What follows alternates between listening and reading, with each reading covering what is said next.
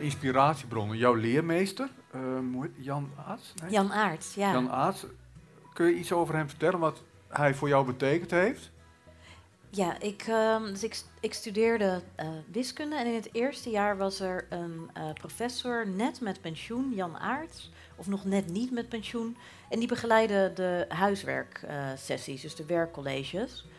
En dat is eigenlijk helemaal niet zo vanzelfsprekend. Op de universiteit zijn er heel veel professoren die zichzelf eigenlijk te belangrijk vinden om college te geven. Ja. En als ze al college geven, dan is het aan de hogere jaarsvakken waar je de moeilijke dingen kan doen en niet iets nederigs als het huiswerk van de eerstejaarsbegeleider. Dus dat Ja. is al heel sympathiek. En ehm, ik vond hem toen heel leuk eh, in hoe hij dacht. En hij hield ook heel erg van lezen. En op een gegeven moment merkte we ook dat we bij andere vakken vastliepen, dat we met een aantal studenten naar zijn kamer gingen ehm, en dat hij het ons dan uitlegde.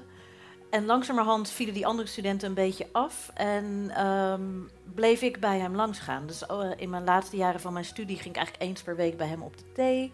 En dan namen we soms ook wiskundeboeken door die niet bij de studie hoorden, maar die we allebei interessant vonden. En dan maakten we allebei de opgaven die erbij hoorden. En dan kwamen we bij elkaar en dan bespraken we het.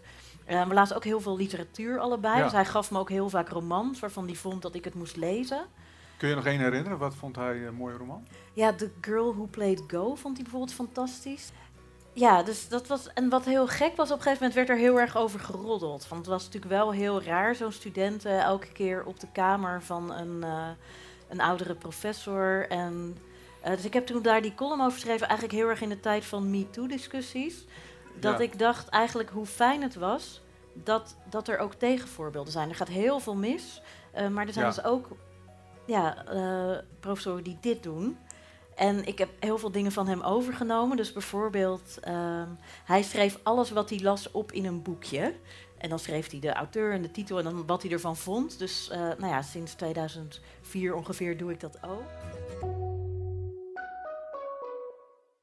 Ja, nou de M&M's was wel grappig. Dat begon, ik zag een eh, grote reclameposter met nu drie keer zo groot. Dat was een paar jaar terug, had je extra grote M&M's. Toen dacht ik, drie keer zo groot, wat, wat zouden ze daarmee bedoelen? En toen dacht ik, dit is een heel goed excuus om voor mijn column op onderzoek te gaan en heel veel M&M's te kopen. Want ik moest natuurlijk de gewone kopen en die grotere en dat uitgebreid onderzoeken. Dus toen ben ik gaan kijken en toen heb ik ook geschreven over als je iets drie keer zo groot maakt in eh, de lengterichting, dat het dan anders is in de inhoud. Dus dat is een oude wet van eh, Galileo nog. ehm, en dat heeft allerlei gevolgen. Dus dat vond ik Ja. leuk om over te schrijven aan de hand van M&M's. Dus zo zie je bijvoorbeeld allemaal dingen aan, ook in het eh, dierenrijk. Als je groot bent, heb je relatief weinig oppervlakte. Dus bijvoorbeeld olifanten, eh, groot, hebben eigenlijk te weinig huid om goed af te koelen. Maar die hebben dus zo'n gerimpelde huid en die enorme oren om extra huidoppervlak te regelen. En eh, bij M&M's geldt ook als ze groter zijn, hebben ze relatief minder buitenkant. Dus relatief minder van dat gekleurde suikerlaagje. Eh, nou ja, dat, dat vond ik dan leuk om over Ja. te schrijven.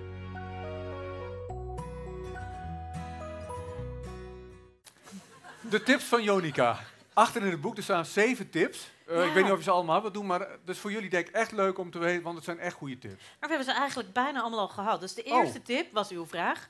Train jezelf in snelle schattingen. Dus dat is inderdaad, Ja. maak vaker dat soort schattingen. Ehm, dus ik geef wat voorbeelden van ja, hoeveel drank moet je kopen voor een barbecue met 30 vrienden. Eh, hoeveel werkdagen moet je nog tot de zomervakantie? Ehm, je kan gewoon dat soort dingen eens ehm, afvragen. Hoeveel baby's worden er per dag in Nederland geboren? Dat soort sommen. Dus dat is de eerste en dat is om dat getalgevoel te doen. Nou, de tweede tip zijn we mee begonnen. Dus dat is bij die gemiddelde Oh ja. denken aan de buitenbeentjes. Oh, ik noem hier nog echt een killing voorbeeld. Ehm, er was op een gegeven moment een nieuwsbericht dat Amerikaanse gezinnen gemiddeld een ton, eh, dus 100.000 dollar hebben voor hun pensioen. En dat, eh, dat liet ik een keer zien aan pensioenexperts. En zei ik, wat denken jullie hiervan? En toen begonnen ze helemaal over of een ton wel genoeg is of niet. En toen zei ik, vinden jullie het woord gemiddeld niet ehm angstaanjagend daarbij? En toen bleek dus dat de mediaan, dus wat de helft, die lag op 5000. Ja, dat is echt een verschil. Dus de helft van de Amerikaanse gezinnen heeft minder dan 5000. En het gemiddelde is een ton.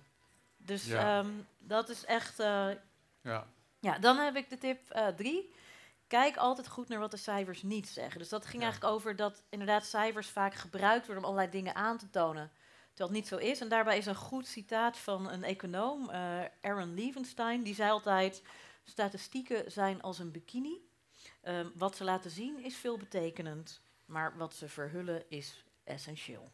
um, dus dat, uh, ja, dus... Um, Weet je, en dat geldt bij heel veel dingen. Bijvoorbeeld bij enquêtes uh, kun je je afvragen van ja, hoe zijn die dingen gedefinieerd? Uh, is iedereen wel gevraagd? En het zijn soms heel stomme voorbeelden. Er was een keer een voorbeeld, dat ging over verschillende landen, hoeveel er fulltime gewerkt werd. En Nederland scoorde heel laag.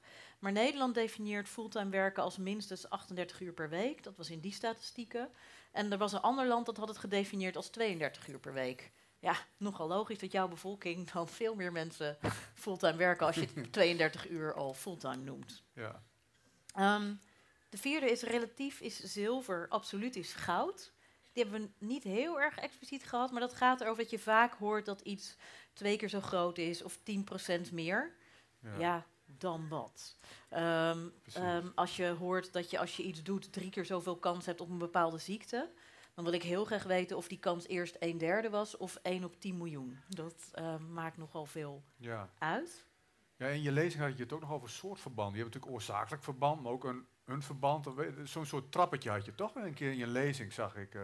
Ja, ja, dus dat gaat inderdaad over um, uh, relaties. Dus dat er vaak een relatie gevonden is tussen twee dingen in de wetenschap. Um, en dat er dan gedaan wordt of het een het ander veroorzaakt, terwijl dat helemaal niet zo hoeft te zijn. Nee.